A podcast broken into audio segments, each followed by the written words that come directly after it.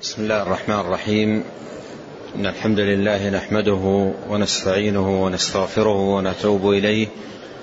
ونعوذ بالله من شرور أنفسنا وسيئات أعمالنا. من يهده الله فلا مضل له ومن يضلل فلا هادي له. وأشهد أن لا إله إلا الله وحده لا شريك له وأشهد أن محمدا عبده ورسوله. صلى الله وسلم عليه وعلى آله وأصحابه أجمعين. نعم. الحمد لله رب العالمين والصلاة والسلام على أشرف الأنبياء والمرسلين نبينا محمد عليه أفضل الصلاة وتم التسليم. قال الإمام الأواب شيخ الإسلام محمد بن عبد الوهاب رحمه الله تعالى وغفر له باب حقوق النبي صلى الله عليه وسلم. وقول الله تعالى يا أيها الذين آمنوا أطيعوا الله وأطيعوا الرسول وأولي الأمر منكم. الآية. وقول الله تعالى وأقيموا الصلاة وآتوا الزكاة وأطيعوا الرسول لعلكم ترحمون. وقول الله تعالى وما آتاكم الرسول فخذوه وما نهاكم عنه فانتهوا. الآية. قال رحمه الله تعالى باب حقوق النبي صلى الله عليه وسلم. حقوق النبي صلى الله عليه وسلم هي من الإيمان به عليه الصلاة والسلام وأنه رسول من رب العالمين. بلغ البلاغ المبين أدى الرسالة ونصح الأمة وجاهد في الله حق جهاده حتى أتاه اليقين. وما ترك خيرا إلا دل الأمة عليه ولا شرا إلا حذرها منه. صلوات الله وسلامه عليه. والإيمان به من الإيمان بالنبيين الذي هو أصل من أصول الإيمان. والإيمان بالنبيين من الإيمان بالله تبارك وتعالى. كل آمن بالله وملائكته وكتبه ورسله. لا نفرق بين أحد من رسله. وقالوا سمعنا وأطعنا غفرانك ربنا وإليك المصير. وهو عليه الصلاة والسلام حقوقه على أمته واجب الأمة نحوه كثيرة. وذلك أن حقوقه عليه الصلاة والسلام الواجبة على أمته نحوه صلى الله عليه وسلم تتلخص في نقاط عديدة. فمن حقوقه عليه الصلاة والسلام محبته صلى الله عليه وسلم محبة مقدمة على محبة النفس والوالد والولد والناس أجمعين. كما سيأتي بيان ذلك عند المصنف رحمه الله تعالى ومن حقوقه على أمته عليه الصلاة والسلام الإيمان به وأنه رسول من رب العالمين بلغ البلاغ المبين وأدى الرسالة ونصح الأمة ومن حقوقه عليه الصلاة والسلام طاعته واتباع أمره والتحاكم إلى ما جاء به عليه الصلاة والسلام. ومن حقوقه على أمته تعزيره وتوقيره ونصرته والذب عن سنته صلى الله عليه وسلم. ومن حقوقه على أمته أن يكون أو أن يجعلوه أسوة لهم وقدوة لهم يأتسون به ويقتدون بهديه. كما قال جل وعلا لقد كان لكم في رسول الله أسوة حسنة لمن كان يرجو الله واليوم الآخر وذكر الله كثيرا. فهو الأسوة والقدوة صلوات الله وسلامه عليه.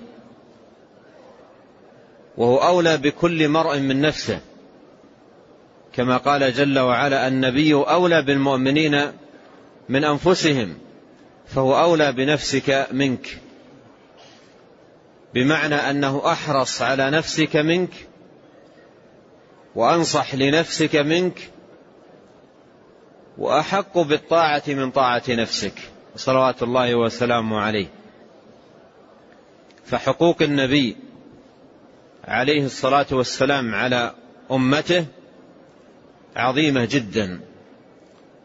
وهنا في باب الحقوق ينبغي أن نعلم معاشر المؤمنين أن الحقوق ثلاثة حق لله جل وعلا لا يشرك معه فيه غيره لا نبي لا, لا نبي مرسل ولا ملك من الملائكة ولا غيرهما.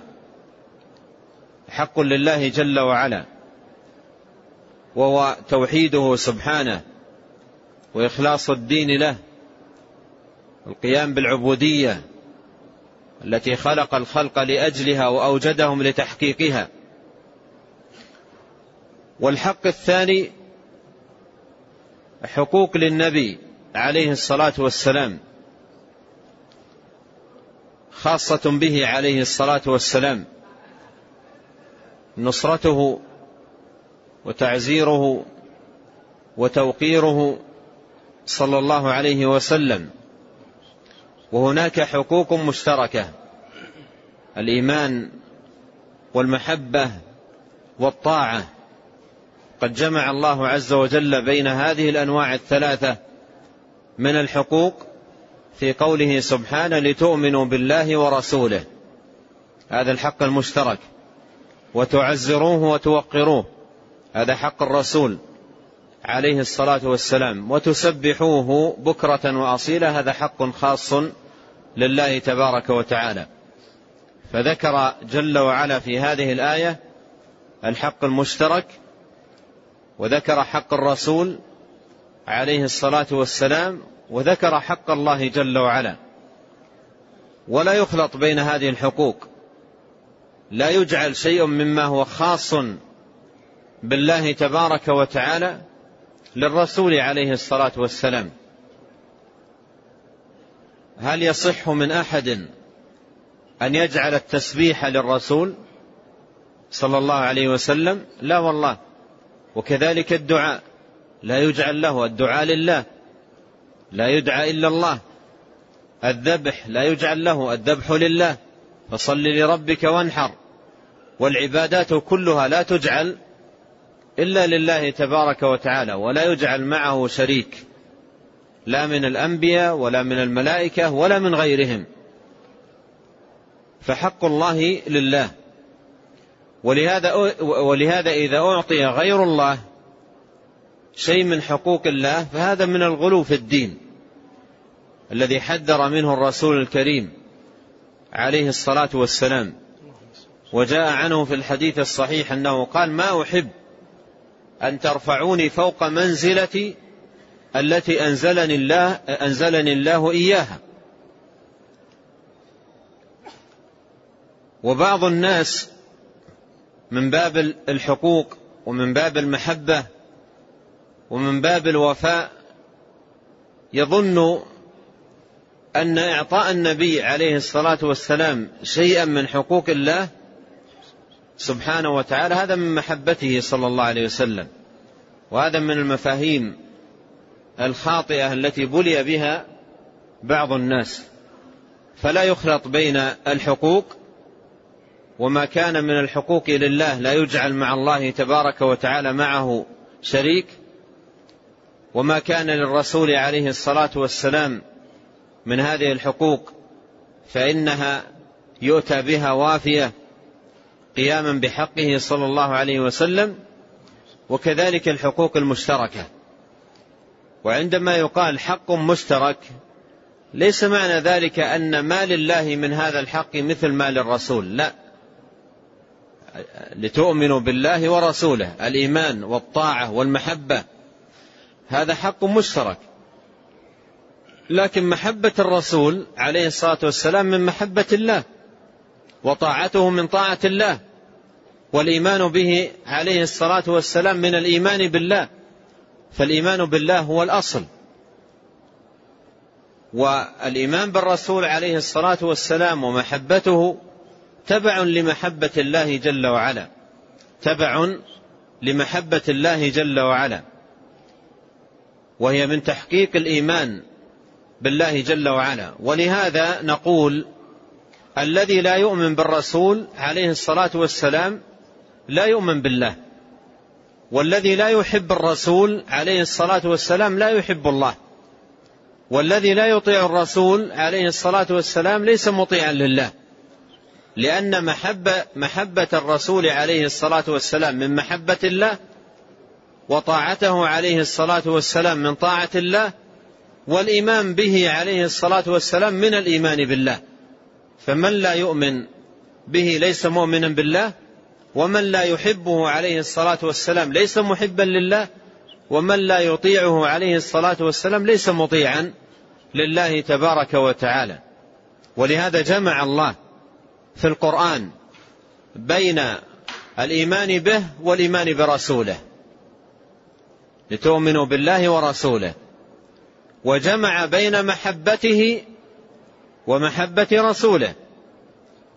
قل إن كان آباؤكم وأبناؤكم وإخوانكم وأزواجكم وعشيرتكم وأموال اقترفتموها وتجارة تخشون كسادها ومساكن ترضونها أحب إليكم من الله ورسوله. فجمع سبحانه وتعالى بين محبته ومحبة رسوله عليه الصلاة والسلام وجمع بين طاعته وطاعة رسوله عليه الصلاة والسلام في آيات كثيرة ربما تزيد على الثلاثين. يا أيها الذين آمنوا أطيعوا الله وأطيعوا الرسول. فجمع بين طاعته وطاعة رسوله عليه الصلاة والسلام والإيمان به والإيمان برسوله عليه الصلاة والسلام ومحبته ومحبة رسوله عليه الصلاة والسلام. فمن لم يكن مطيعا للرسول عليه الصلاة والسلام ولا محبا له ولا مؤمنا به هو في الحقيقة ليس مطيعا لله ولا محبا لله ولا مؤمنا بالله تبارك وتعالى لأن لأنها متلازمة لا ينفك بعضها عن بعض. ولهذا أيضا جمع الله سبحانه وتعالى بين الشهادة له عز وجل بالوحدانية مع الشهادة لنبيه صلى الله عليه وسلم بالرسالة. قد قال بعض العلماء رحمهم الله إن هذا هو معنى قوله ورفعنا لك ذكرك. فلا يذكر الله سبحانه وتعالى بالوحدانية إلا ويذكر الرسول عليه الصلاة والسلام بالرسالة. أشهد أن لا إله إلا الله وأشهد أن محمدا رسول الله صلى الله عليه وسلم. فلا يذكر جل وعلا بالوحدانية والتوحيد إلا ويذكر الرسول عليه الصلاة والسلام بالرسالة والطاعة والاتباع له صلوات الله وسلامه عليه. حق النبي عليه الصلاة والسلام حق عظيم وهو أعظم من حق الأم وأعظم من حق الأب وأعظم من حق أي إنسان. لأن الذي حصل للناس أو حصل لأهل الإيمان ووصل إليهم من طريقه صلى الله عليه وسلم هو نجاة من النار وفوز برضا الله تبارك وتعالى. قد أنزل الله إليكم ذكرا رسولا يتلو عليكم آيات الله مبينات ليخرج الذين آمنوا وعملوا الصالحات من الظلمات إلى النور. فالله عز وجل من على الأمة ببعثته وأنقذ به سبحانه وتعالى من أنقذ من النار وجعله إماما وهاديا وقائدا لنيل رضا الله عز وجل والفوز بجنته عليه الصلاة والسلام فحقه, فحقه عليه الصلاة والسلام أعظم من حق الأم وأعظم من حق الأب وأعظم من حق أي إنسان آخر. ولهذا قال تبارك وتعالى النبي أولى بالمؤمنين من أنفسهم. وسيأتي في الحديث لا يؤمن أحدكم حتى أكون أحب إليه من والده وولده والناس أجمعين. بل حتى يكون أحب إلى الإنسان من نفسه. كما في حديث عمر وسيأتي معنا بإذن الله عز وجل. فحقوقه عليه الصلاة والسلام عظيمة ويجب على كل مسلم أن يعرف لهذا الرسول عليه الصلاة والسلام قدره ومكانته وأن يحفظ له عليه الصلاة والسلام حقه وأن يقوم بالواجب تجاهه عليه الصلاة والسلام وأن يؤدي هذه الحقوق وافية. قال رحمه الله تعالى باب حقوق النبي صلى الله عليه وسلم. وهذا فيه التنبيه إلى أن حقوقه عليه الصلاة والسلام كثيرة. أن حقوقه عليه الصلاة والسلام كثيرة. ولما عقد رحمه الله تعالى هذه الترجمة ساق بعض الآيات وبعض الأحاديث التي جمعت أهم وأبرز الحقوق. ففي الآيات الأمر بالطاعة طاعته عليه الصلاة والسلام وفي الحديث الأول الإيمان به صلى الله عليه وسلم وفي الحديث الثاني والثالث محبته صلوات الله وسلامه عليه والحديث الرابع تعظيم سنته وتحكيم ما جاء به صلى الله عليه وسلم وهذا كله من جملة حقوقه أو من أهم حقوقه صلى الله عليه وسلم على أمته. بدأ أولا بالآيات فأورد قول الله سبحانه وتعالى يا أيها الذين آمنوا أطيعوا الله وأطيعوا الرسول وأولي الأمر منكم. في هذه الآية الكريمة الأمر بطاعته عليه الصلاة والسلام وهذا حق من حقوقه على أمته أن يطاع فلا يعصى. أن يطاع عليه الصلاة والسلام فلا يعصى تطاع أوامره ويتبع ما جاء به. ولأجل هذا بعثه الله لأجل هذا بعثه الله بعثه الله بالحق والهدى ليطاع. قال الله تعالى وما أرسلنا من رسول إلا ليطاع بإذن الله. وما أرسلنا من رسول إلا ليطاع بإذن الله. فهو عليه الصلاة والسلام بعثه الله ليطاع.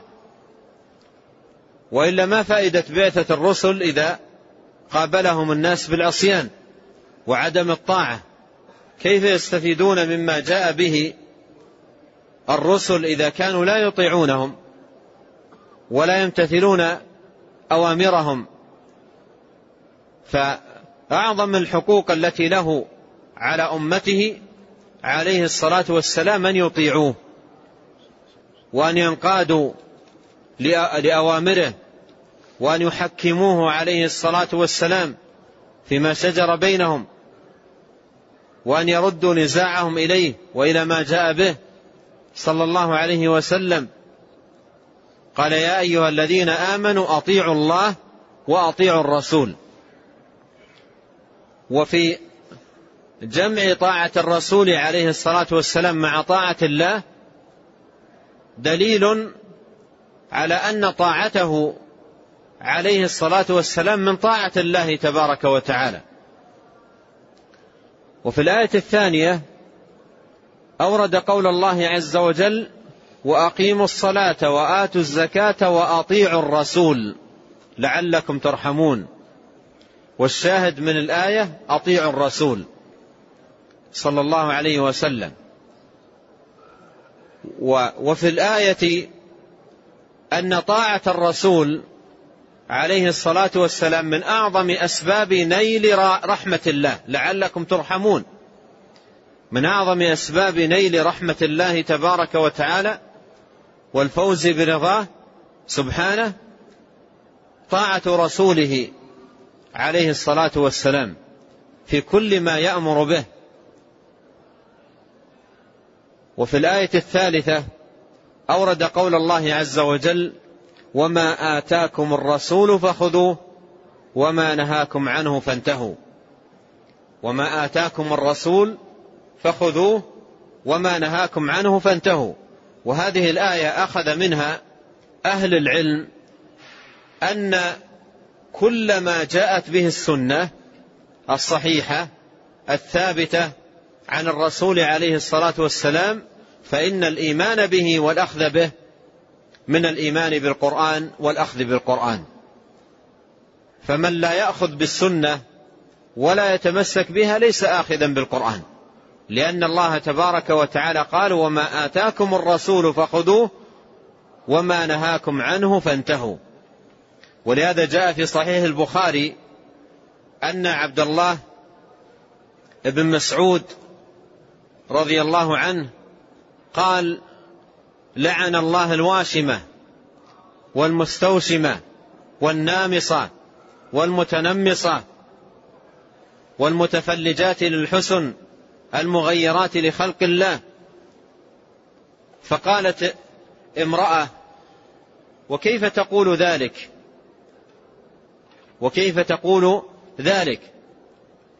قال وما لي لا ألعن من لعن رسول الله قال وما لي, ما وما لي لا ألعن من لعن الله عز وجل. قال وما لي لا ألعن من لعن الله عز وجل. فقالت المرأة لقد قرأت ما بين دفتي المصحف فما وجدت هذا. تقول المرأة أنا قرأت القرآن كله. من أوله إلى آخره.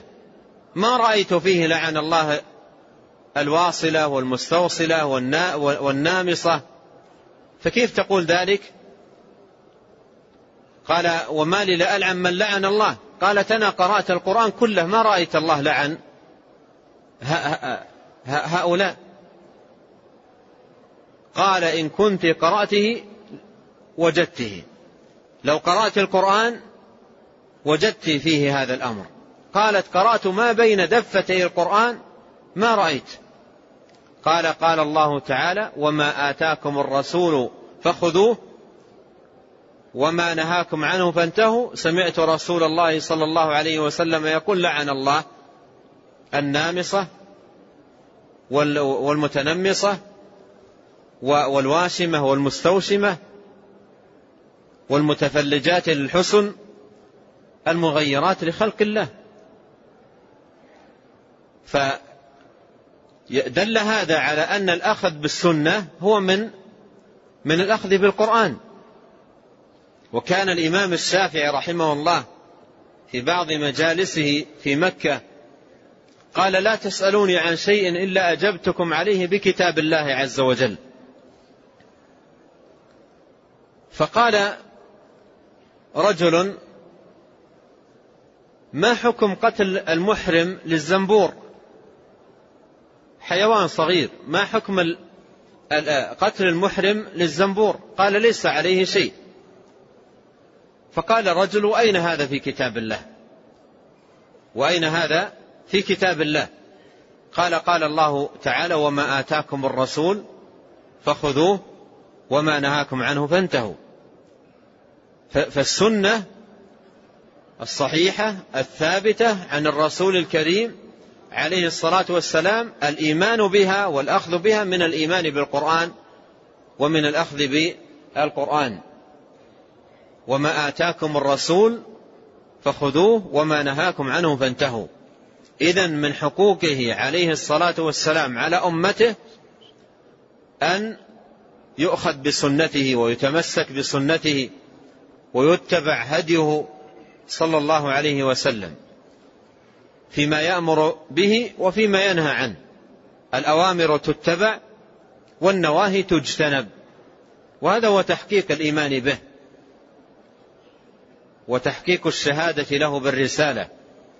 ولهذا قال المصنف رحمه الله تعالى في بعض كتبه قال شهادة أن لا إله إلا الله معناها طاعته فيما أمر. شهادة أن محمد رسول الله قال معناها طاعته فيما أمر وتصديقه فيما أخبر والانتهاء عما نهى عنه وزجر وألا يعبد الله إلا بما شرع.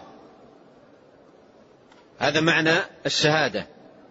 طاعته فيما أمر وتصديقه فيما أخبر والانتهاء عما نهى عنه وزجر. وأنت إذا تأملت تجد أن ما جاء به الرسول عليه الصلاة والسلام لا يخرج عن أمور ثلاثة أوامر ونواهي وأخبار. هذا خلاصة ما جاء به عليه الصلاة والسلام أوامر ونواهي وأخبار. فإذا شهد له عليه الصلاة والسلام بالرسالة فإن هذه الشهادة تقتضي أن تطاع أوامره وأن تصدق أخباره ما يخبر به وأن تجتنب نواهيه.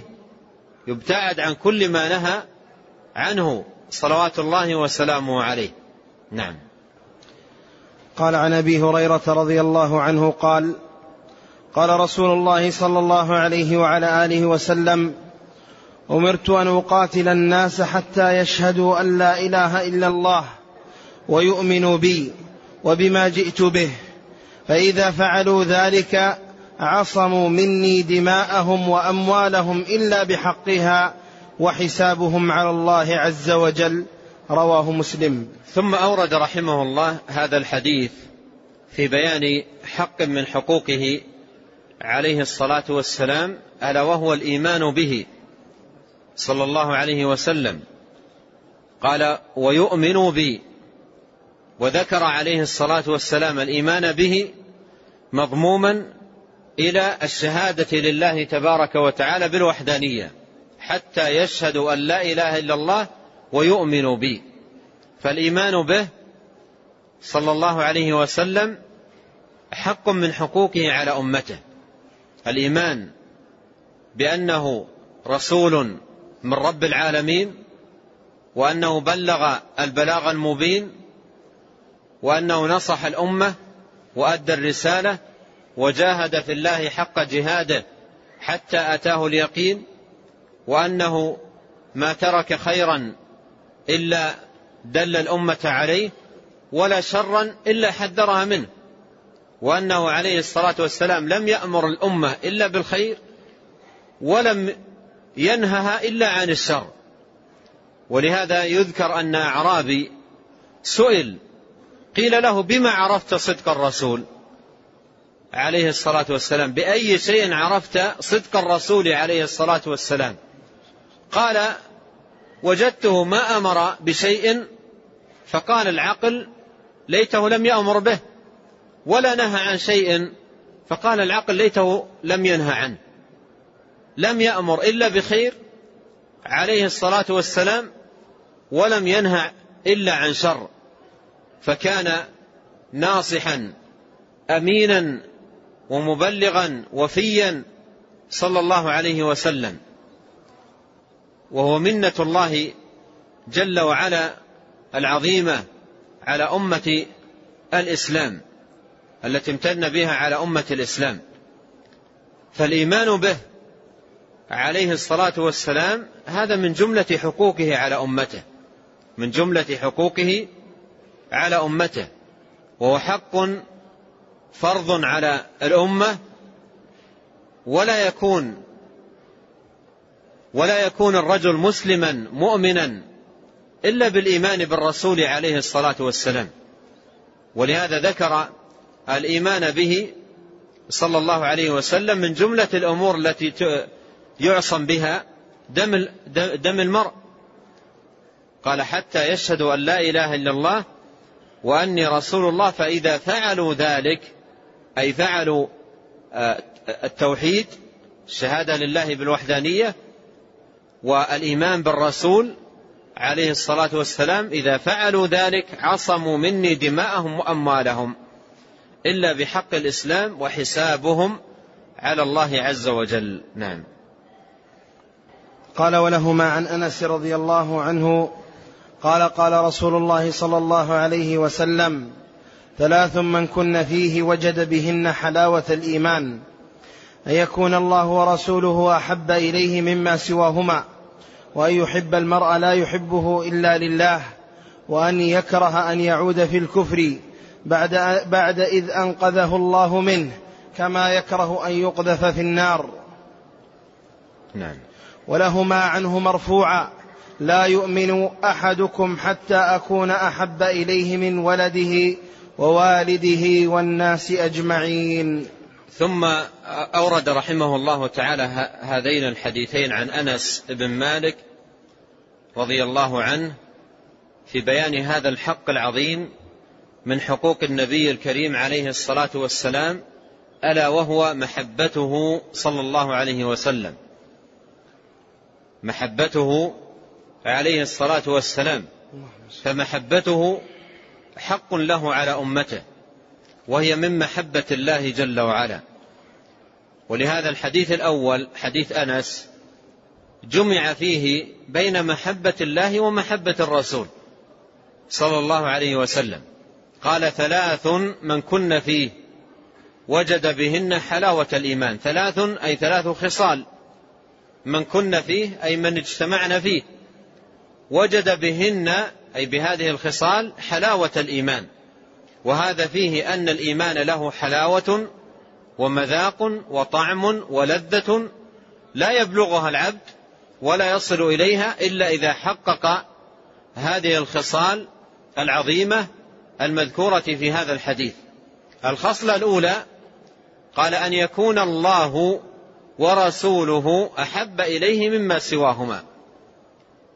بمعنى أن تكون محبة أن تكون محبة الله ومحبة الرسول عليه الصلاة والسلام مقدمة على محبة ما سواهما من النفس والنفيس والوالد والولد والتجارة والمال والمسكن والعشيرة وغير ذلك. فلا يقدم شيء من هذه الأمور على محبة الله ومحبة رسوله عليه الصلاة والسلام. قد مر معنا قول الله تعالى قل إن كان آباؤكم وأبناؤكم وإخوانكم وأزواجكم وعشيرتكم وأموال اقترفتموها وتجارة تخشون كسادها ومساكن ترضونها. كم هذه؟ ثمانية. هذه يسميها العلماء المحاب الثمانية. يسميها العلماء المحاب الثمانية أي التي جبل كل إنسان على محبتها. من منا لا يحب ولده أو والده أو تجارته أو بيته أو عشيرته؟ هذه أمور جبل الناس على محبتها. جبل كل, كل إنسان على محبتها محبة الوالد والولد والتجارة والعشيرة هذه أمور جبل الإنسان على محبتها ولا شيء في ذلك. لا شيء في في أن يحب الإنسان ولده أو والده أو تجارته أو ماله هذا أمر ليس ليس فيه شيء لا حرمة فيه ولا ذنب فيه.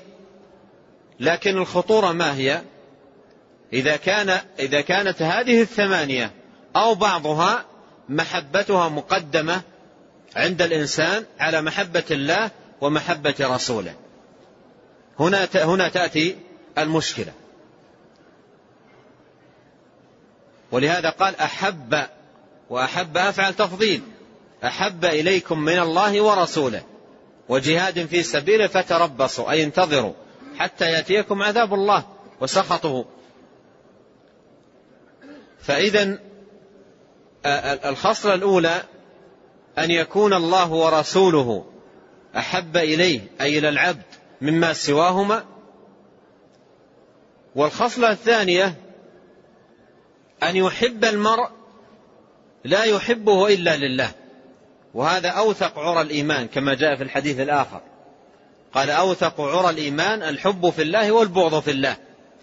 وأيضا في الحديث الآخر قال من أحب لله وأعطى لله من أحب لله وأبغض لله وأعطى لله ومنع لله فقد استكمل الإيمان. هنا قال أن يحب المرء لا يحبه إلا لله. أي أن يكون في حبه آه، أن يكون في حبه وبغضه تبعا لحب الله عز وجل وبغضه. يحب المرء لا يحبه إلا لله ويبغضه لا يبغضه إلا لله تبارك وتعالى.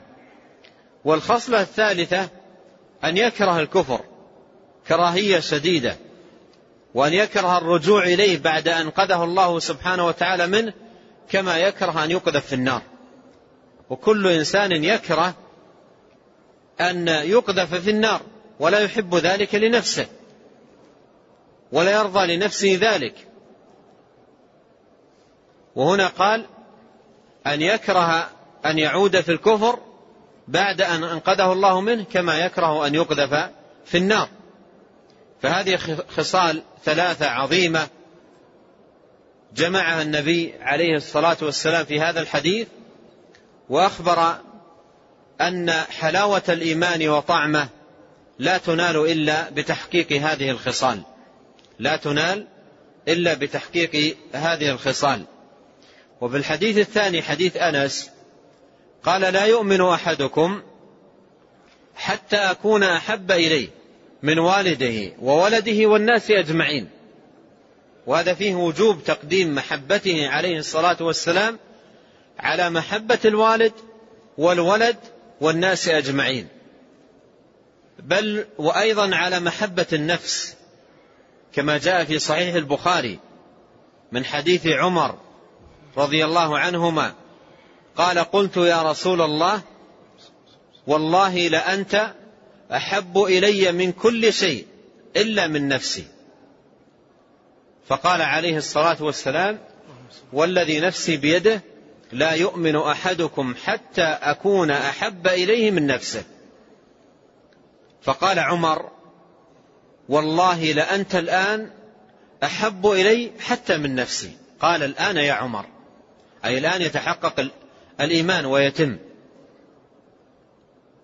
فيجب أن تقدم محبة النبي عليه الصلاة والسلام على محبة الوالد والولد وعلى محبة النفس. وأن تكون محبتك له عليه الصلاة والسلام أعظم من محبتك لنفسك. وهنا أيها الإخوة أنبه على أمر عظيم للغاية ألا وهو ما هي حقيقة محبة النبي؟ عليه الصلاة والسلام. ما هي حقيقة محبة النبي؟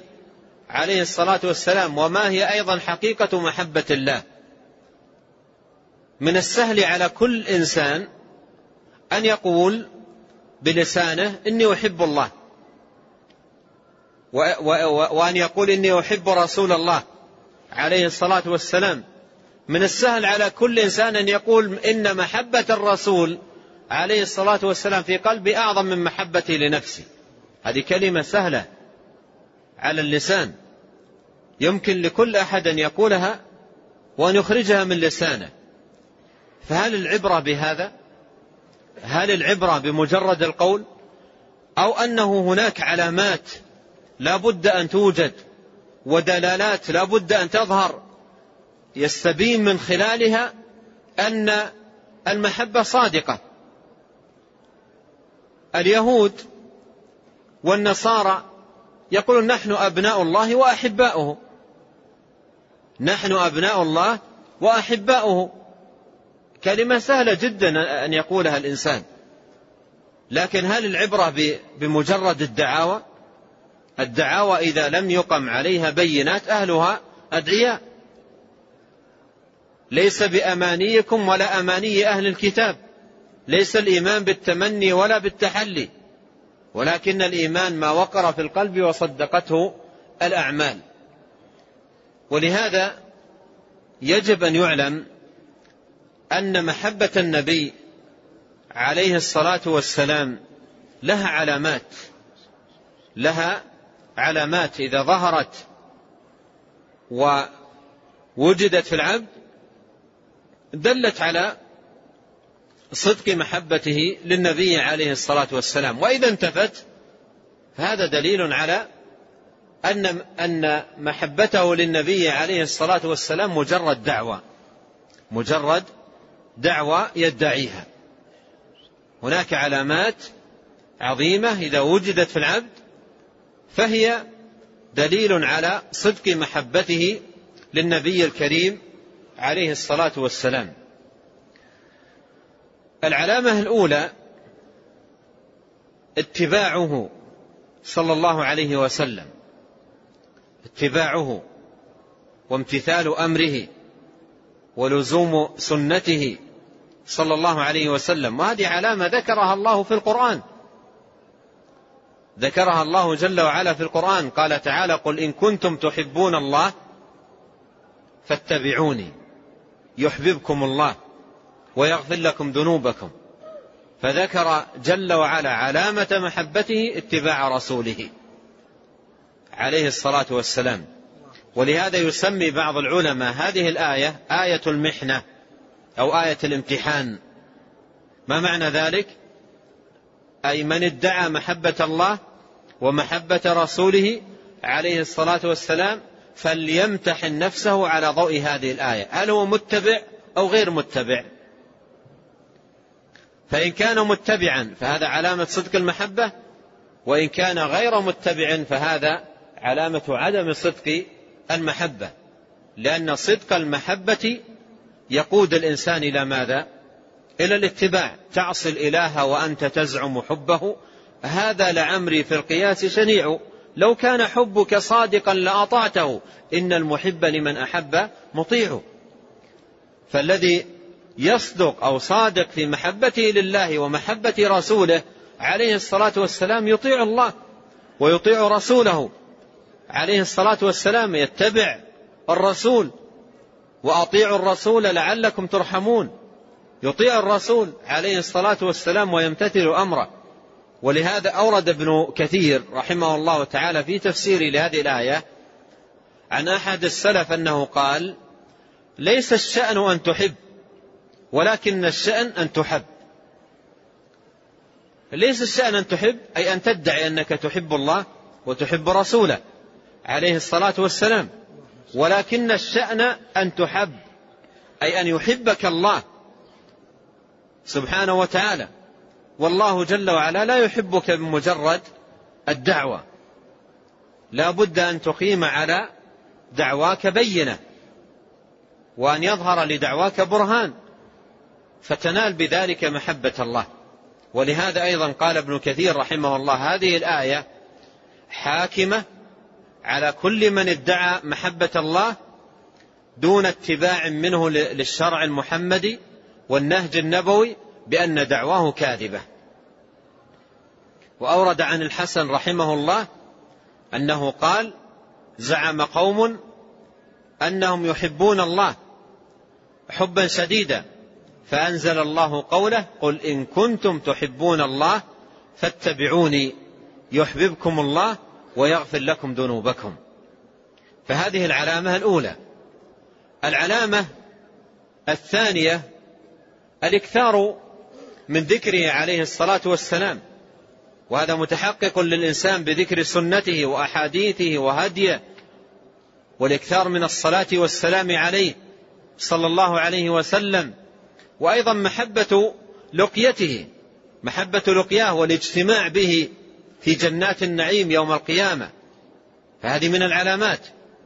ولهذا جاء في الحديث الصحيح عنه عليه الصلاة والسلام قال من أشد أمتي حبا لي قوما يأتون من بعدي يتمنى أحدهم لو رآني بماله وأهله. يتمنى أحدهم لو رآني بماله وأهله. رواه مسلم في صحيحه.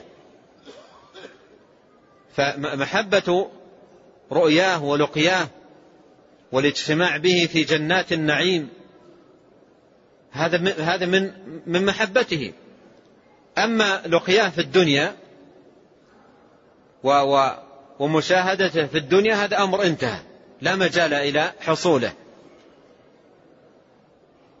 إلا في المنام. إلا في المنام. قال عليه الصلاة والسلام من رآني في المنام فقد رآني فإن الشيطان لا يتمثل بي. أما في اليقظة غير حاصل. أما في اليقظة غير حاصل. مع أن بعض أهل الخرافة وأهل الدجل يدعون أنه يحضر عليه الصلاة والسلام مجالسهم ويجتمعون به. وإذا كان فعلا يحضر مجالسهم شخص يرونه بأعينهم ويشاهدونه إذا كان فعلا هذا يحضر مجالسهم شخصا شخص يرونه بأعينهم ويشاهدونه فإن الذي حضر مجالسهم شيطان. النبي صلى الله عليه وسلم توفاه الله جل وعلا ولا أحد من الناس بعد موته صلى الله عليه وسلم يراه ويجتمع به يقظة أما الرؤيا المنامية فممكنة. الرؤيا المنامية ممكنة أما يقظة لا. وأحيانا بعض الناس يأتيه شيء من الخلط ووساوس الشيطان ويدعي أنه رأى الرسول عليه الصلاة والسلام حقيقة. وهذه تأتي لبعض الناس. قبل أيام قابلني شخص وقال لي أنني رأيت الرسول عليه الصلاة والسلام قلت له في المنام قال لا حقيقة. قال ولي ولك رسالة منه أبلغها لك. قلت لا لا تبلغها. لا حاجة لها بها. هذا الشيطان الذي لقيته. لا حاجة لي بهذه الرسالة. ورسالة الرسول عليه الصلاة والسلام موجودة ما ضاعت. رسالته عليه الصلاة والسلام لأمته موجودة. أليست موجودة محفوظة رسالته وإلا ضاعت. حتى يحتاج إلى مثل هؤلاء يأتون بها ويبلغونها. رسالته محفوظة سنته محفوظة دينه محفوظ حفظ الله دينه. دينه محفوظ إلى أن تقوم الساعة. حفظه الله تعالى. فهل يحتاج إلى أمثال هؤلاء يبلغون دينه؟ أو يوصلون رسالات منه عليه الصلاة والسلام لأمته؟ هذا من الدجل ومن الضلال الذي ينطلي على السفهاء وعلى العوام وعلى الجهال وينخدعون بذلك. ومن هنا تدخل البدع والضلالات. يأتي أهل الدجل إلى عوام الناس ويقول أنا رأيت الرسول عليه الصلاة والسلام يقظة وقال لي افعل كذا وأمر الناس بكذا وتنتشر البدع. ثم أيضا أتباعه يقولون له رضي الله عنك لأنه صار صحابي. صار صحابيا رأى النبي عليه الصلاة والسلام. الصحبة انتهت بموته. أحد الرواة رواة الحديث من التابعين. كان حيا في زمن النبي عليه الصلاة والسلام وجاء إلى المدينة من أجل أن يلتقي بالنبي عليه الصلاة والسلام ويتشرف برؤيته وسماع حديثه. فلما وصل إلى أبيار علي لما وصل إلى أبيار علي توفي النبي صلى الله عليه وسلم في المدينة. قالوا في ترجمته كاد أن يكون صحابيا. كاد أن يكون صحابيا. لأنه بقي على وصوله إلى النبي صلى الله عليه وسلم شيء قليل جدا. فالصحبة انتهت. انتهت بموته عليه الصلاة والسلام. وما يأتي على ألسنة أهل الدجل والجهال هذه كلها خرافات وترهات وأضاليل يلبسون بها على على عوام الناس وعلى جهالهم. والعام ربما أنه انخدع بمثل هذه الأمور. واغتر بهذه الأمور. إما بالرؤيا اليقظة التي يدعونها أو أيضا بعضهم الرؤيا المنامية. الرؤيا المنامية مر معنا الحديث. قال عليه الصلاة والسلام من رآني في المنام فقد رآني فإن الشيطان لا يتمثل به. كان الصحابة رضي الله عنهم إذا قال لهم رجل إني رأيت الرسول صلى الله عليه وسلم في المنام يقولون, يقولون له صف لنا من رأيت. فإذا ذكر لهم الصفة التي يعرفونها من صفة النبي عليه الصلاة والسلام قالوا رؤياك صحيحة.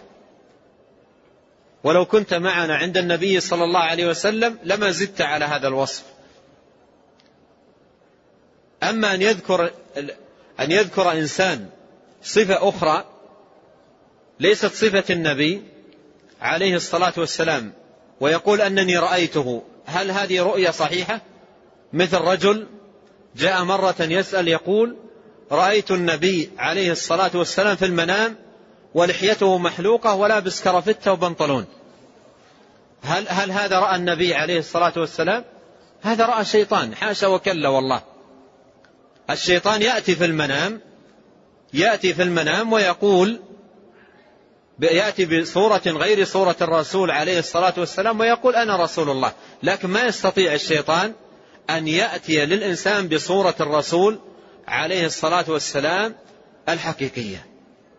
لا يستطيع أن يتمثل بصورة النبي صلى الله عليه وسلم الحقيقية. لا يستطيع ذلك. نعم يأتي بصور أخرى. ويدعي أنه الرسول عليه الصلاة والسلام بل يأتي لبعض الناس في المنام ويدعي أنه رب العالمين وأن وأنه يحل لهم ويحرم إلى آخره.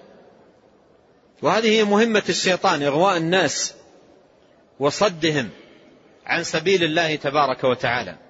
الشاهد من محبته عليه الصلاة والسلام تمني رؤيته ولقياه والاجتماع به في جنات النعيم والإكثار من من ذكره عليه الصلاة والسلام وذكر سنته والإكثار من الصلاة والسلام عليه صلى الله عليه وسلم. ونسأل الله عز وجل بأسماء الحسنى وصفاته العليا أن يجمعنا به في جنات النعيم.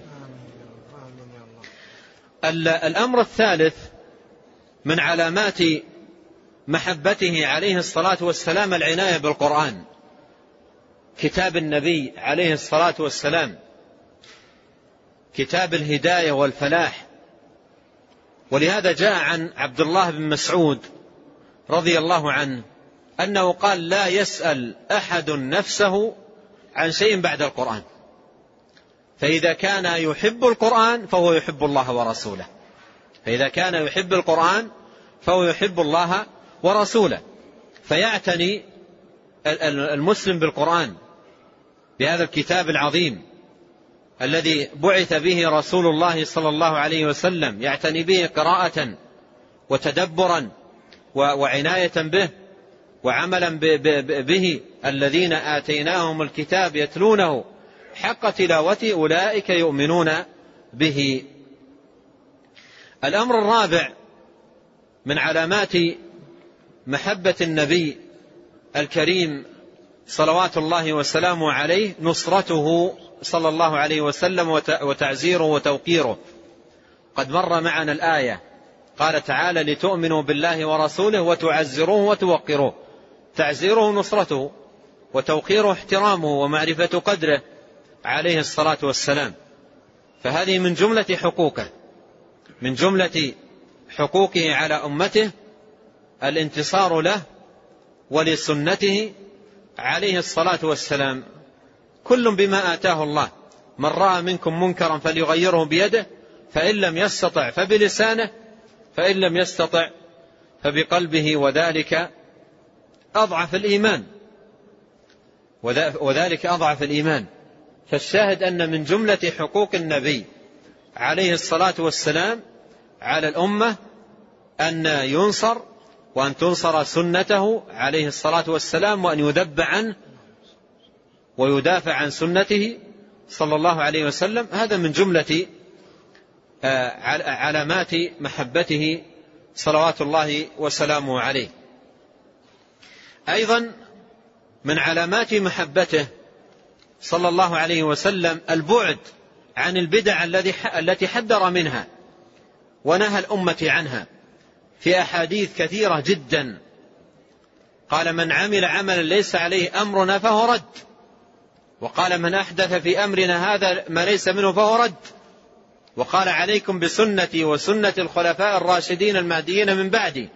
تمسكوا بها وعضوا عليها بالنواجذ وإياكم محدثات الأمور.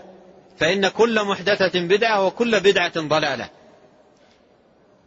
وقال عليه الصلاة والسلام فإن أصدق الحديث كلام الله وخير الهدى هدى رسول الله صلى الله عليه وسلم وشر الأمور محدثاتها وكل محدثة بدعة وكل بدعة ضلالة. فمن محبته عليه الصلاة والسلام البعد عن البدع ومحدثات الأمور التي نهى عنها صلوات الله وسلامه عليه. فهذا من جملة علامات محبته عليه الصلاة والسلام. العلامة السادسة من علامات محبته عليه الصلاة والسلام عدم الغلو فيه. عدم الغلو فيه صلى الله عليه وسلم. وقد نهى عن الغلو عموما وعن الغلو فيه على وجه الخصوص. وجاء عنه في هذا المعنى أحاديث كثيرة جدا. قال عليه الصلاة والسلام إياكم والغلو فإنما أهلك من كان قبلكم الغلو في الدين. وقال عليه الصلاة والسلام لا تطروني كما أطرت النصارى عيسى ابن مريم فإنما أنا عبد فقولوا عبد الله ورسوله. وقال عليه الصلاة والسلام ما أحب أن تنزلوني فوق منزلتي التي أنزلني الله إياها. سمع امرأة أنصارية تنشد وتقول وفينا رسول الله يعلم ما في غد فغضب. قال لا يعلم ما في غد إلا الله. قل لا يعلم من في السماوات والأرض الغيب إلا الله. سمع رجلا يقول ما شاء الله وشئت فغضب. وقال أجعلتني لله ندا بل ما شاء الله وحده. وروي عنه عليه الصلاة والسلام أن أسيرا أتي به إلى النبي صلى الله عليه وسلم. فقال ذلك الأسير إني أتوب إلى الله ولا أتوب إلى محمد. فقال عليه الصلاة والسلام عرف الحق لأهله التوبة لله. الأحاديث عنه في, في, في هذا المعنى كثيرة عنه صلوات الله وسلامه عليه. فمن محبته عدم الغلو فيه. من محبته عليه الصلاة والسلام عدم الغلو فيه صلى الله عليه وسلم. لا يجوز لنا أن نرفع فوق منزلته بزعم أننا نريد أن نظهر محبته. ليس هذا ليس هذا من علامات المحبة. لا يجوز أن يغلو فيه الإنسان. هل يجوز لأحد بحجة أنه يحب النبي عليه الصلاة والسلام أن يعطيه شيء من خصائص الله؟ هل هذا من هل هذا من المحبة؟ أن يعطى من خصائص الرب؟ هو لا يرضى بذلك. وفي حياته أنكر ذلك عليه الصلاة والسلام. لا يرضى ذلك. أنكر عليه الصلاة والسلام ذلك. لا يجوز أن نعطيه أشياء من خصائص الله بحجة أو بزعم أننا نحبه. نعم نحبه لكن لا نعطيه. شيء من خصائص الله. خصائص الله لله. فليس من محبته عليه الصلاة والسلام أن يغلى فيه وأن يعطى شيء من خصائص الرب تبارك وتعالى وهذا أمر لا يرضاه هو عليه الصلاة والسلام وأنكره أشد الإنكار وغضب منه أشد الغضب في حياته. صلوات الله وسلامه عليه. قال أجعلتني لله ندا؟ قل ما شاء الله وحده. ولهذا بعض الناس يدخل, يدخل عليهم الداخل من باب المحبة فيغلو في النبي عليه الصلاة والسلام غلوا ويأتي بأمور في حقه لا تليق إلا بالله. أحدهم يقول في أبيات الله يمدح فيها الرسول عليه الصلاة والسلام يقول يا أكرم الخلق ما لي من ألوذ به سواك عند حلول الحادث العمم. وإن من جودك الدنيا وضرتها وإن من علومك علم, علم اللوح والقلم. أيصح هذا يا أخوان؟ لو, لو, لو, لو نزعنا من البيت أوله وقلنا يا خالق الخلق نناجي الله. يا خالق الخلق ما لي من ألوذ به سواك عند حلول الحادث العمم وإن من جودك الدنيا وضرتها وإن من علومك علم اللوح والقلم. هذا كلام ماذا؟ كلام جميل وتوحيد. يا خالق الخلق نناجي الله. ونؤمن على ذلك. يا خالق الخلق ما لمن ألوذ به سواك عند حلول الحادث العمم. وإن من جودك الدنيا أي يا الله.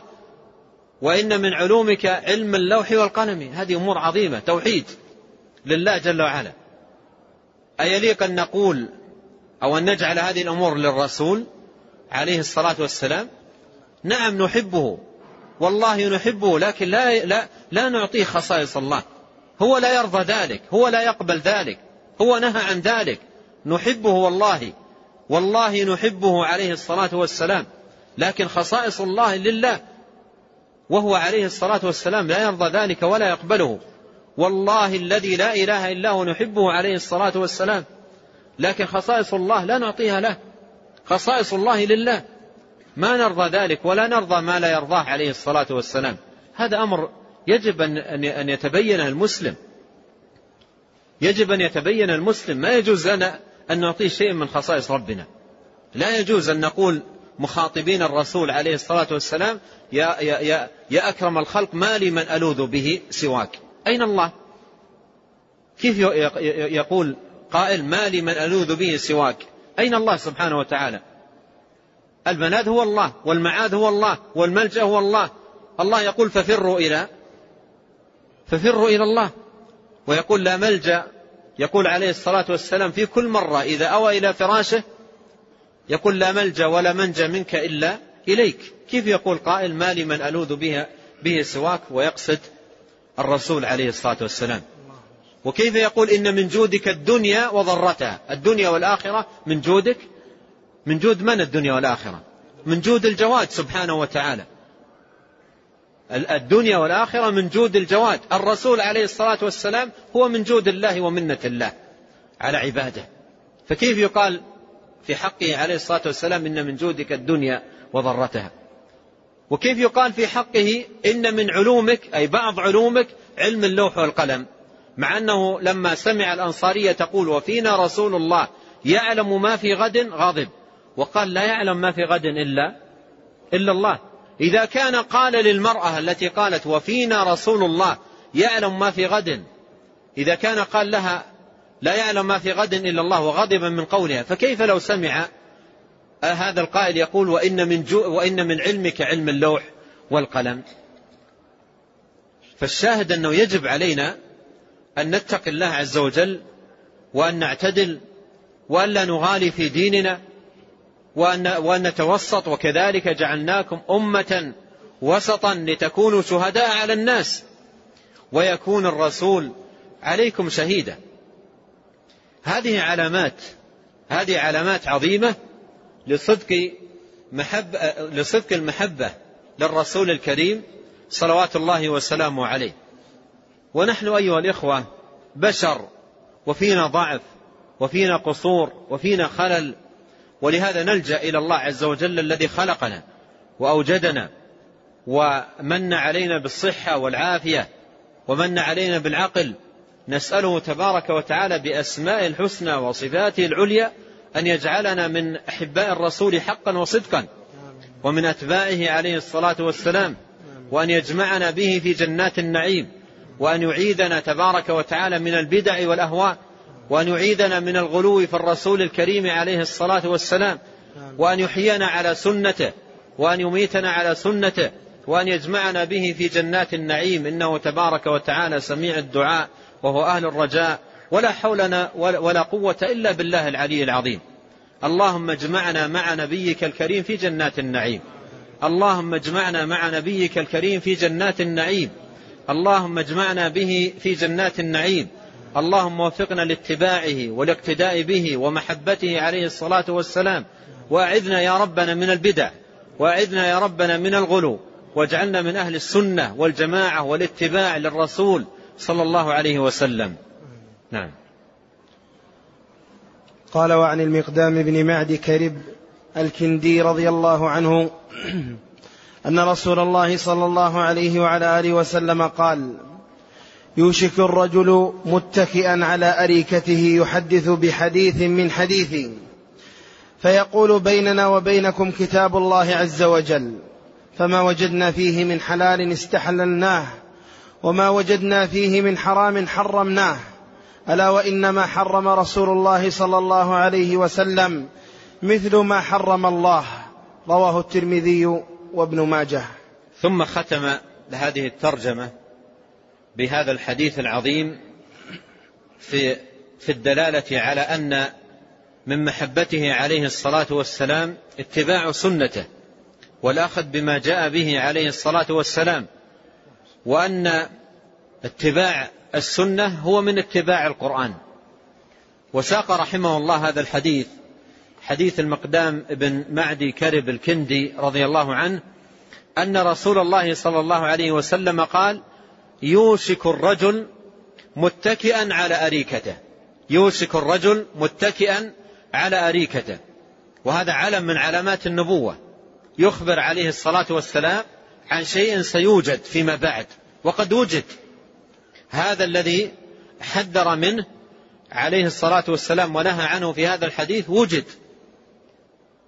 قال يوشك الرجل متكئا على أريكته وجاء في بعض الروايات يوشك رجلا شبعانا متكئا على أريكته. وقوله شبعانا أي همه الطعام وملء البطن وليس له اشتغال بالعلم والذهاب إلى العلماء وطلب العلم وتحصيله والتفقه في الدين هذا ليس من اهتماماته ولا من الأمور التي يعتني بها. ثم مع هذا كله يتكئ على أريكته وهذا أيضا دليل على أنه من أهل الترف والترفه واجتمعت فيه هذه الأمور. ثم ماذا يقول؟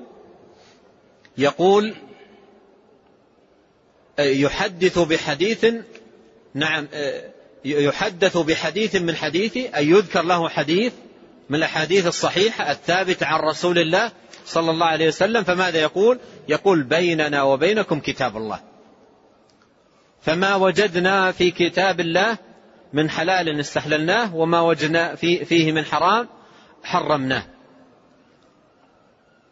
يقول أنا لا أخذ إلا بالقرآن. السنة لا يأخذ بها.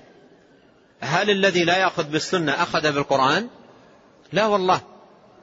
السنة هي المفسرة للقرآن. وهي المبينة له وهي الشارحة له. ولا يمكن لأحد أن يعمل بالقرآن ما لم يعمل بسنة النبي عليه الصلاة والسلام. وقوله بيننا وبينكم كتاب الله كلمة حق أريد بها باطل. أراد بها صاحبها أن يعطل الدين كله. الذي يقول بيننا وبينكم كتاب الله ولا يريد السنة أراد بهذه الكلمة أن يعطل الدين كله. نحن كيف عرفنا أن الصلوات الظهر أربع والعصر أربع والمغرب ثلاث والعشاء أربع والفجر ركعتين؟ كيف عرفنا ذلك؟ من أين عرفنا ذلك؟ إلا من السنة.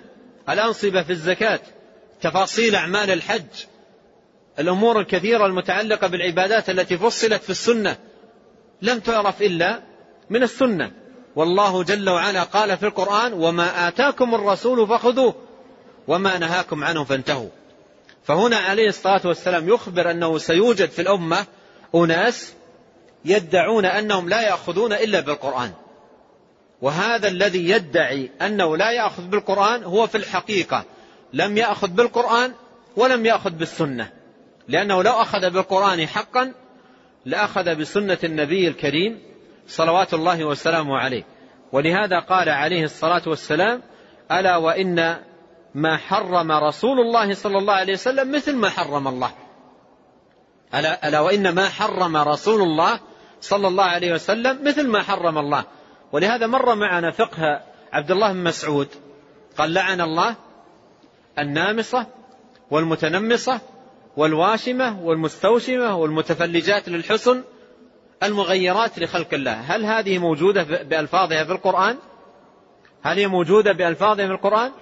قالت المرأة لقد قرأت ما بين دفتي المصحف ما رأيت هذا. قال لو كنت قرأته وجدته. يشير إلى ماذا؟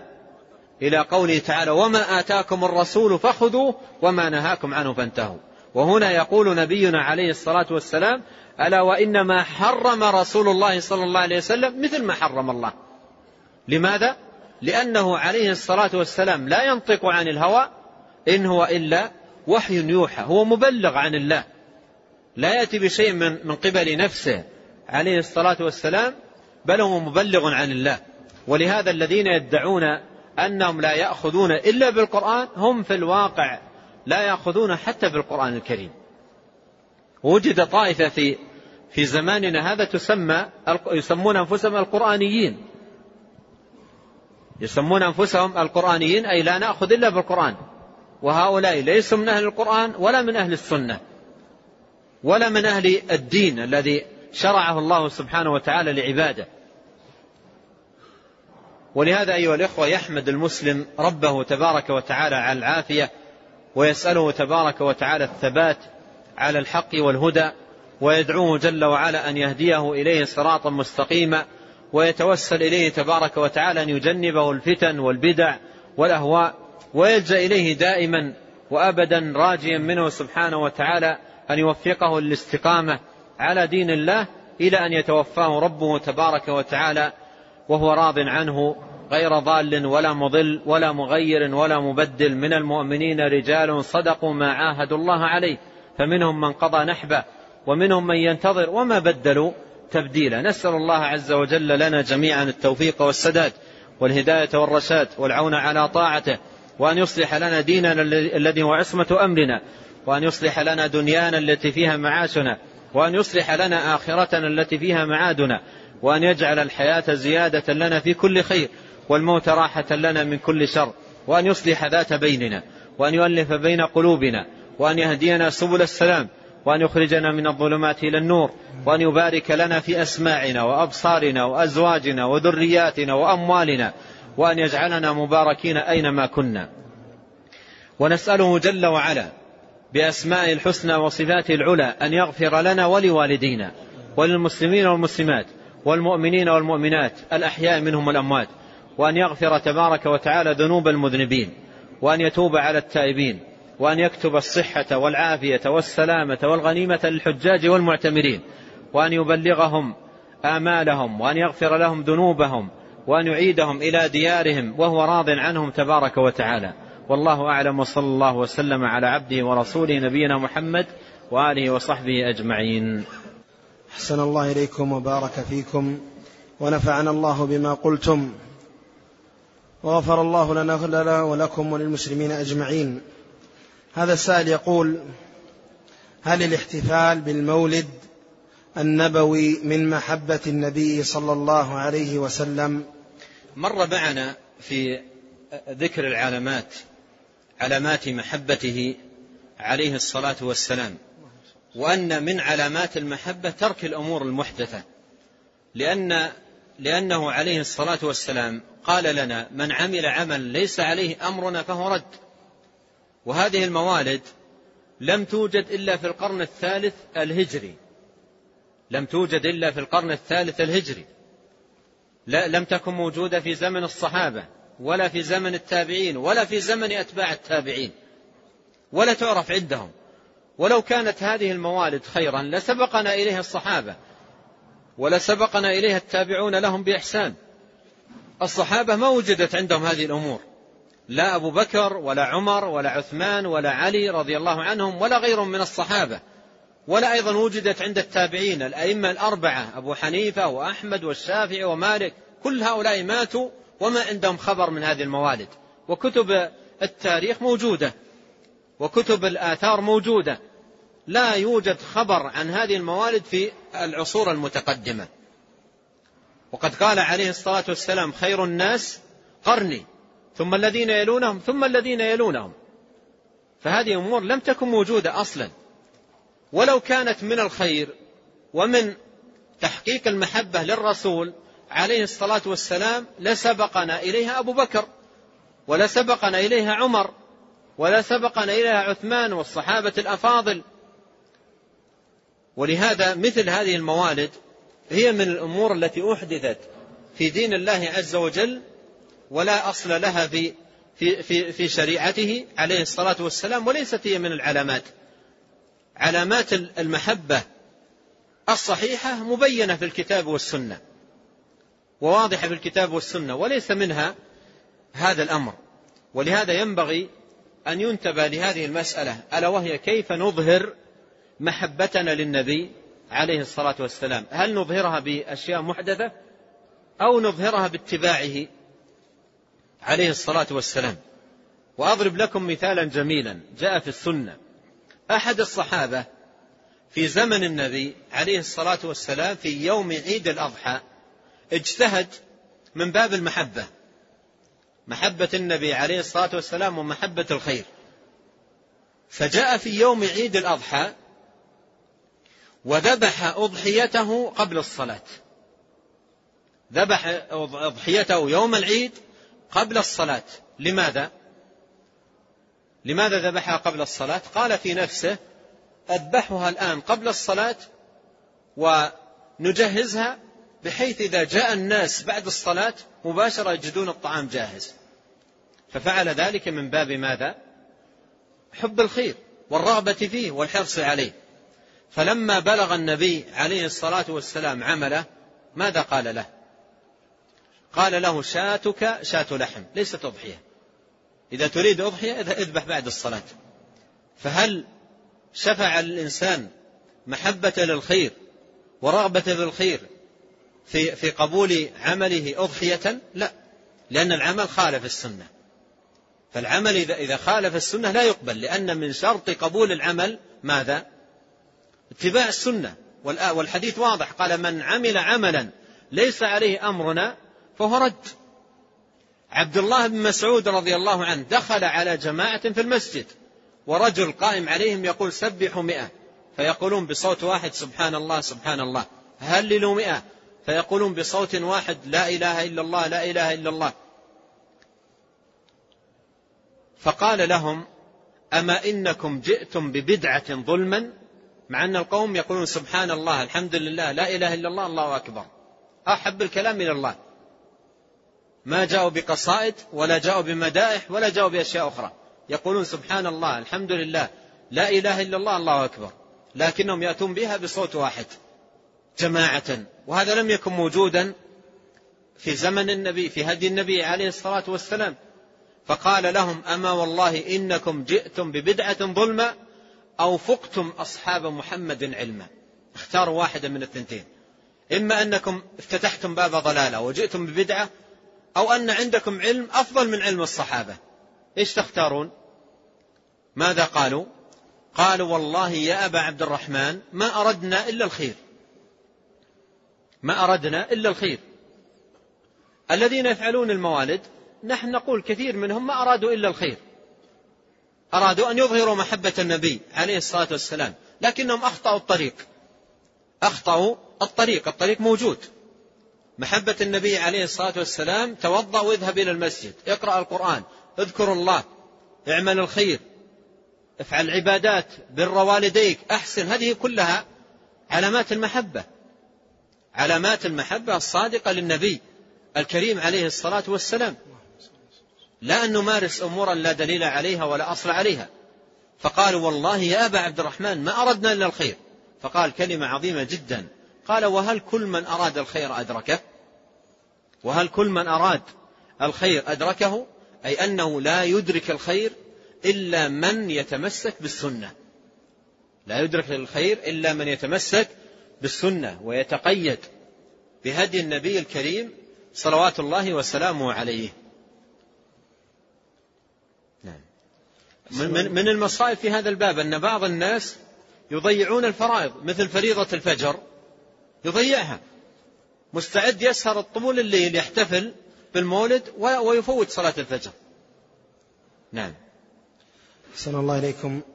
هذا السائل يقول هل رفع الصوت في الروضة الشريفة وعند زيارة بيته صلى الله عليه وسلم داخل في الآية؟ يا أيها الذين آمنوا لا ترفعوا أصواتكم. أهل العلم يقولون النبي عليه الصلاة والسلام محترم حيا وميتا. النبي عليه الصلاة والسلام محترم حيا وميتا ولهذا ما ترفع الأصوات وإنما يصلي في الروضة وإذا, وإذا دعا الله سبحانه وتعالى يدعو بصوت خافت ادعوا ربكم تضرعا وخفية لا ترفع صوتك. الصحابة رضي الله عنهم قالوا أربنا بعيد فنناديه أم قريب فنناجيه؟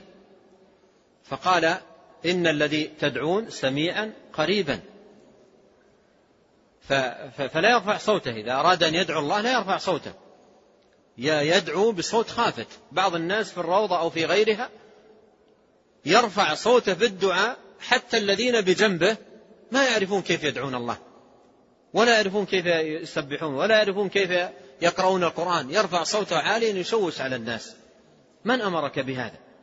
فيدعو الله عز وجل بينه وبين نفسه بصوت خافت. ولا أيضا يؤتى بالدعاء الجماعي. كل إنسان بينه وبين نفسه يدعو الله عز وجل و و ويقبل على الله جل وعلا و و ويناجيه ويسأل حاجة من خير الدنيا والآخرة. نعم. هذا السائل يقول ما حكم الصلاة وراء من يدعي رؤية النبي صلى الله عليه وسلم حقيقة؟ من يدعي رؤية النبي صلى الله عليه وسلم حقيقة هذا دجال من الدجاجلة ومفتري ولا يجوز أن أن لا يجوز أن أن يصدق فيما يقول بل يجب أن يهجر وأن يبتعد عنه وأيضا تترك الصلاة وراءه لأنه دجال مفتري على ومفتري على الناس مضل لهم عن دين الله تبارك وتعالى فهذا يجب أن أن يحذر وأن يجتنب وأن يبتعد عنه.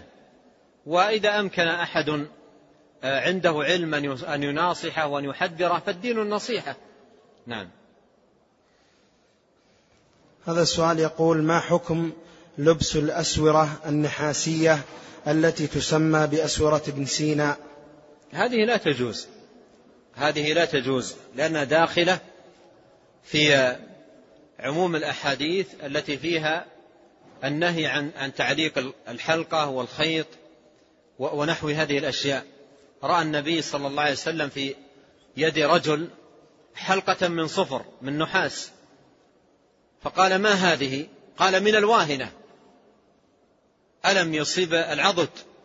قال من الواهنة. قال انزعها فإنها لا تزيدك إلا وهنا. انزعها فإنها لا تزيدك إلا وهنا.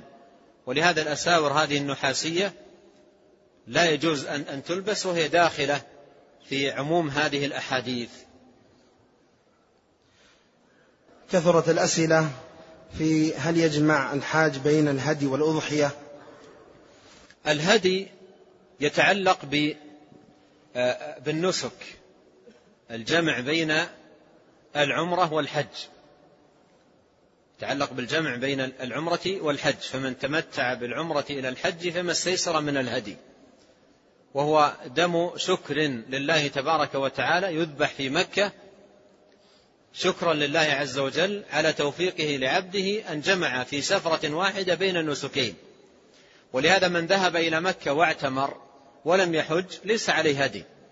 ومن ذهب إلى مكة وحج مفردا ولم يأتمر ليس عليه هدي. فإذا جمع بين العمرة والحج قارنا أو متمتعا فإنه يلزمه الهدي إن كان مستطيعا لذلك فإن لم يستطع صام عشرة أيام ثلاثة في الحج وسبعة إذا رجع إلى أهله. أما الأضحية فهي آه، واجبة على المستطيع القادر من أهل البلدان في هذا اليوم العظيم يوم آه، عيد النحر وأيام التشريق الثلاثة. والحاج يؤدي الهدي في مكة لإكرام الله سبحانه وتعالى له بالجمع بين النسكين وأيضا يوكل أهله أن يذبحوا الأضحية عنه يذبحها عنه عن أهله وأولاده في, في بلده. نعم. أيضا يقول إذا كنا أربعة إخوة متزوجين ونعيش مع الأب والأم في مسكن واحد وفي العيد نضحي بعدد غير محدد فمرة نضحي بثلاث شياه ومرة باثنتين فإذا أرادوا هذا العام بوجودي أنا في الحج أن يضحوا باثنتين هل يجوز ذلك. إذا تأهل الإنسان وكان له بيت وأهل وأولاد فهذا الأولى به أن يضحي عنه وعن نفسه ينفرد بأضحيته. إذا كان مستطيعا قادرا يضحي عن عن نفسه وعن عن أولاده. وإذا كانوا غير قادرين وبيتهم واحد ومسكنهم واحد وغير قادرين وضحى والدهم عنه وعنهم لعل ذلك إن شاء الله كافيا. أما إذا كانوا قادرين ومتأهلين وعندهم القدرة المالية فكل واحد يضحي عنه وعن زوجه وأولاده. نعم. حسن الله إليكم. هذا السائل يقول في بلادنا إذا رجع الحاج إلى بلده جاءه الأحباب والأقارب ليباركوا له حجته ويطلبون منه الدعاء. فهل هذا العمل صحيح؟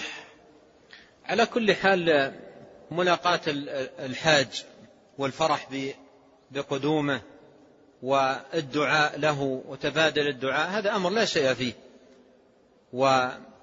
والناس يوم عيد يوم عيد الأضحى وأيام التشريق يقول بعضهم لبعض تقبل الله منا ومنكم هذه سنة ماضية. هم يقولون له تقبل الله منا ومنك وهو أيضا يقول لهم تقبل الله منا ومنكم.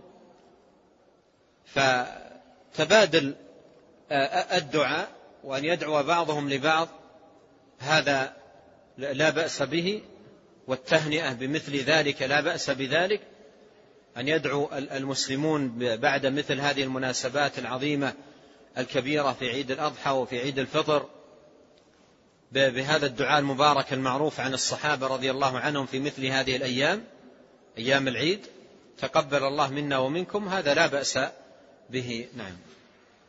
هذا يقول قدمت من بلدي حاجا للغير متمتعا ولكني قمت بعمرة وتحللت منها ثم ذهبت إلى المدينة وسوف أحرم بعمرة متمتعا بها إلى الحج من ذي الحليفة وأنويها لمن لمن أنا حاج له والأولى كانت لي فهل هذا صحيح؟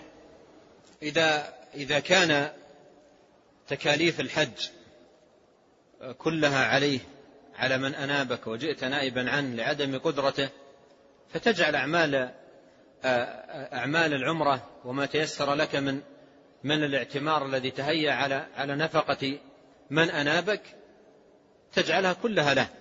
وأما إذا إذا كنت متطوعا متبرعا فإذا جعلت له العمرة ولك عمرة أو لك لك العمرة وله الحج لك ذلك لأنك متبرع ومحسن وما على المحسنين من سبيل. نعم. وهذا يسأل عن الأفضل للمسافر إلى هذه الديار المقدسة. هل الأولى له الجمع بين الرواتب آه، الفرائض والرواتب والنوافل أم الاقتصار على الفرائض فقط؟ من كان في مكة والمدينة وتهيأ له الصلاة في المسجد النبوي والصلاة في المسجد الحرام فبعض أهل العلم يقولون إدراك فضيلة المكان بأداء النوافل أولى. إدراك فضيلة المكان بأداء النوافل أولى. فيصلي الفريضة ويصلي النافلة إدراكا لفضيلة النافلة في هذين المكانين الفاضلين المسجد الحرام ومسجد النبي الكريم. عليه الصلاة والسلام. والله تعالى أعلم وصلى الله وسلم على عبد الله ورسوله نبينا محمد وآله وصحبه أجمعين.